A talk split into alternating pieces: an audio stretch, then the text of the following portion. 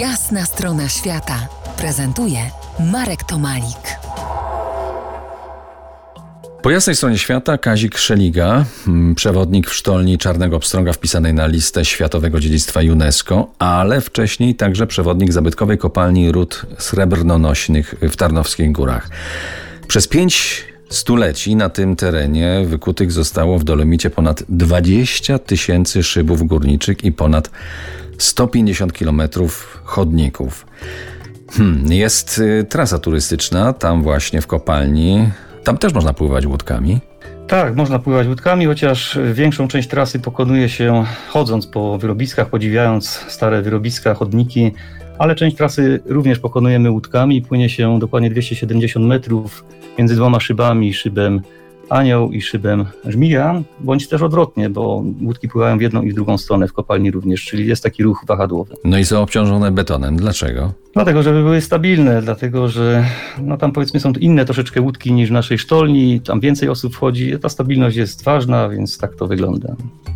Pod ziemią rozwija się też życie kulturalne. Może i dlatego, że ponad 200 lat temu zaplątał się w Tarąckich Górach na dwa dni Goethe. Między innymi wybrzmiały tam pod ziemią, tam pod ziemią w kopalni mm, kompozycje Józefa Skrzeka. A inscenizacja dziadów w wykonaniu teatru nowego z Zabrza, byłeś, widziałeś, jak to pod ziemią wyglądało? No akurat nie byłem i o tym nie opowiem, ale pod ziemią odbywają się bardzo różne imprezy. Mamy szereg takich różnych eventów, imprez. Podziemie można wykorzystywać, to jest duży potencjał. Jeżeli Państwo pośledzicie naszą stronę mm, internetową, zawsze tam coś na niej można znaleźć, coś się w kopalni dzieje. Jest taka duża impreza pod tytułem Industriada, to się odbywa z reguły w czerwcu. Wtedy i na powierzchni mamy szereg imprez stowarzyszących, ale również pod ziemią odbywają się różne przedstawienia, różne powiedzmy takie atrakcje dla również dzieci, dorosłych i tak dalej, więc można coś dla siebie zawsze znaleźć. A sztolnie Czarnego Pstrąga można zwiedzać e, w sezonie, czyli właśnie mm, czerwiec e, i miesiące następne letnie. W jakich godzinach? To się troszeczkę zmienia. Też latem jesteśmy dostępni dosyć długo, czyli między godziną 10 a 17 najczęściej. Zimą troszeczkę krócej, bo wiadomo, ruch turystyczny jesienią, zimą jest trochę mniejszy, więc te godziny są inne. Z reguły są to 2-3 wejścia w ciągu dnia. Natomiast latem, no myślę, że gdyby ktoś przyjechał między tymi godzinami, na pewno zostanie obsłużony, ale proponuję kupić sobie bilet wcześniej na stronie internetowej, wtedy to wejście jest na pewno pewne. No, przygoda jest gwarantowana.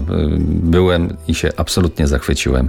I nie tylko dlatego, że jestem z wykształcenia geologiem. Moim gościem był Kazik Szeliga, nauczyciel informatyki i przedmiotów zawodowych zarówno dla dzieci pełno i niepełnosprawnych. Od niemal 30 lat przewodnik w sztolni Czarnego Pstrąga w Tarnowskich Górach, która pozostaje jedynym śląskim obiektem na liście UNESCO. Bardzo dziękuję Ci za Twój czas tutaj dla nas. Ja również dziękuję bardzo.